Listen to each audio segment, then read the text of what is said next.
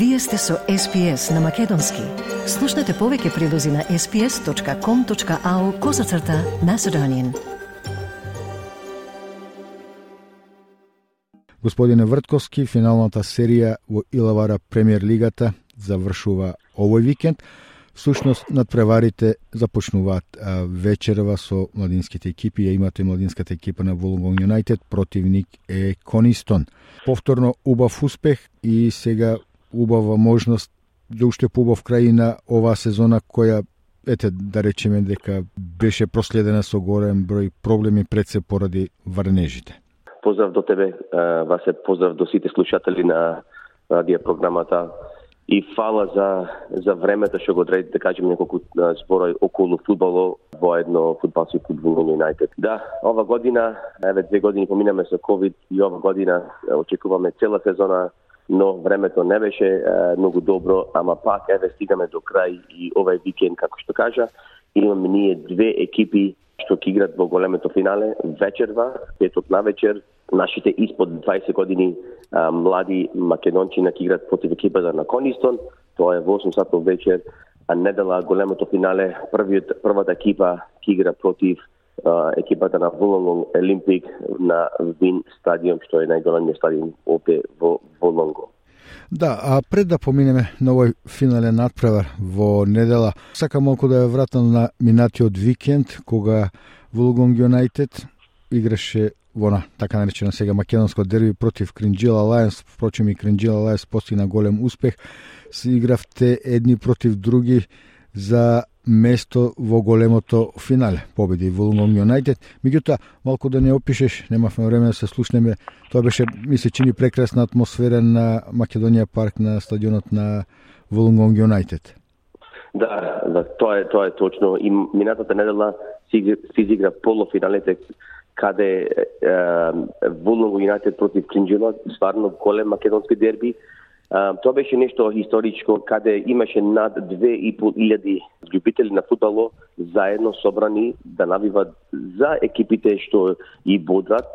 Утакмицата се изигра на еден прекрасен терен, добра утакмица за сите, присутни и стварно едно големо нешто за македонски народ овде во Вулонго каде после толку години, еве Клинџила последните 10 години, а, нема видено во финале, во, во полуфинале, ова година направи голем успех, влего во петката, заврши на пето место и е, добие неколку такмици и и сварно беше еден едно добра добра атмосфера не само за фудбало, за здружение, луѓето таму што беа собрани, има една прекрасен атмосфера на праја.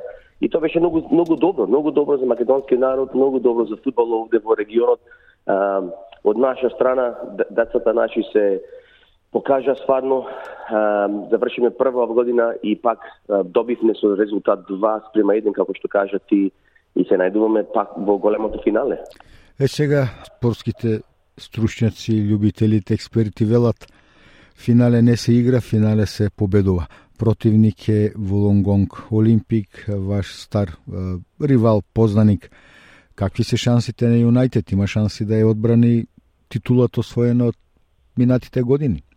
Да, финалето е една утакмица, значи кој кој ќе биде подобар на една утакмица, да. а, тој ќе го добие финалето. Ние сме а, спремни, целата екипа ни се врате во последните 3 до 4 недели ние фалеја доста играчи повреди, казнати, ама овој викенд сите се врајка. Значи ние сме ти имат стварно не добра екипа, имат играчи собрано од сегде, но играчите наши покажа во година еден добар успех во Австралија куп, во лигата и еве сега во финалето и се надевам и со Господ напред дека и овај куп ќе го усвоиме и недела вечерта ќе правиме една голема веселба каде мислам Вулунг Юнайтед пак ќе го задржи тој титул што го добивме во 20 година, лани по mm -hmm. COVID, а, по повод COVID не се изигра сезоната и немаше финале. Значи ние тој кап е со нас, што го добиме во 20 година и се надеваме еве 22 2020 година пак да го зачуваме тој клуб.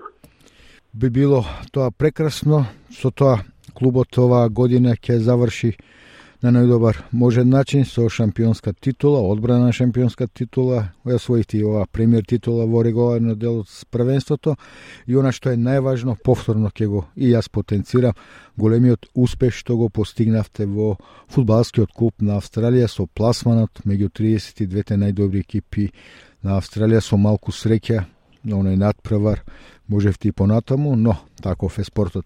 Ви благодарам за разговорот и ви посакувам успех во финалните надпревари и освојување на шампионски титули. Фала многу, Васе, фала, фала што одредиме неколку а, минути да кажеме за фудбалот. Ти благодарам и пак ќе се слушнеме идната недела да кажеме како поминаме а, на утакмицата. Благодарам. Стиснете, ми се допаѓа, споделете, коментирајте. Следете ја SPS на Македонски на Facebook.